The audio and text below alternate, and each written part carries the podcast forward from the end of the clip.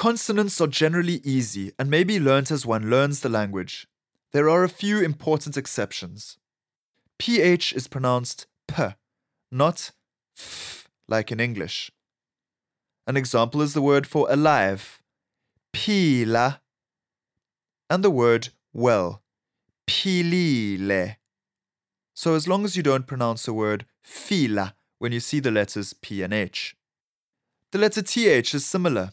It will be pronounced T, not th like in English.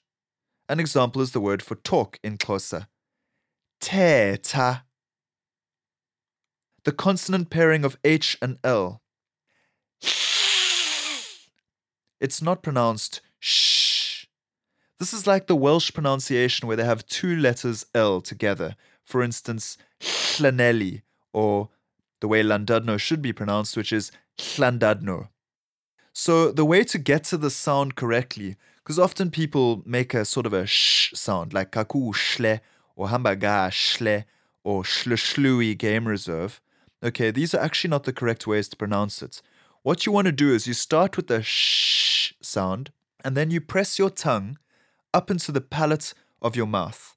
Okay, so that the sound and even a little bit of spit will come out the sides of your mouth. Now that is good. That means you're doing it right. So, for instance, Okay, so as soon as you make contact with the tongue and the palate, you can't actually make a sh sound anymore, and you'll begin to make the correct sound, which is So, an example the word for live or sit, hlala, and the word for to do something well or beautifully, kakuhle.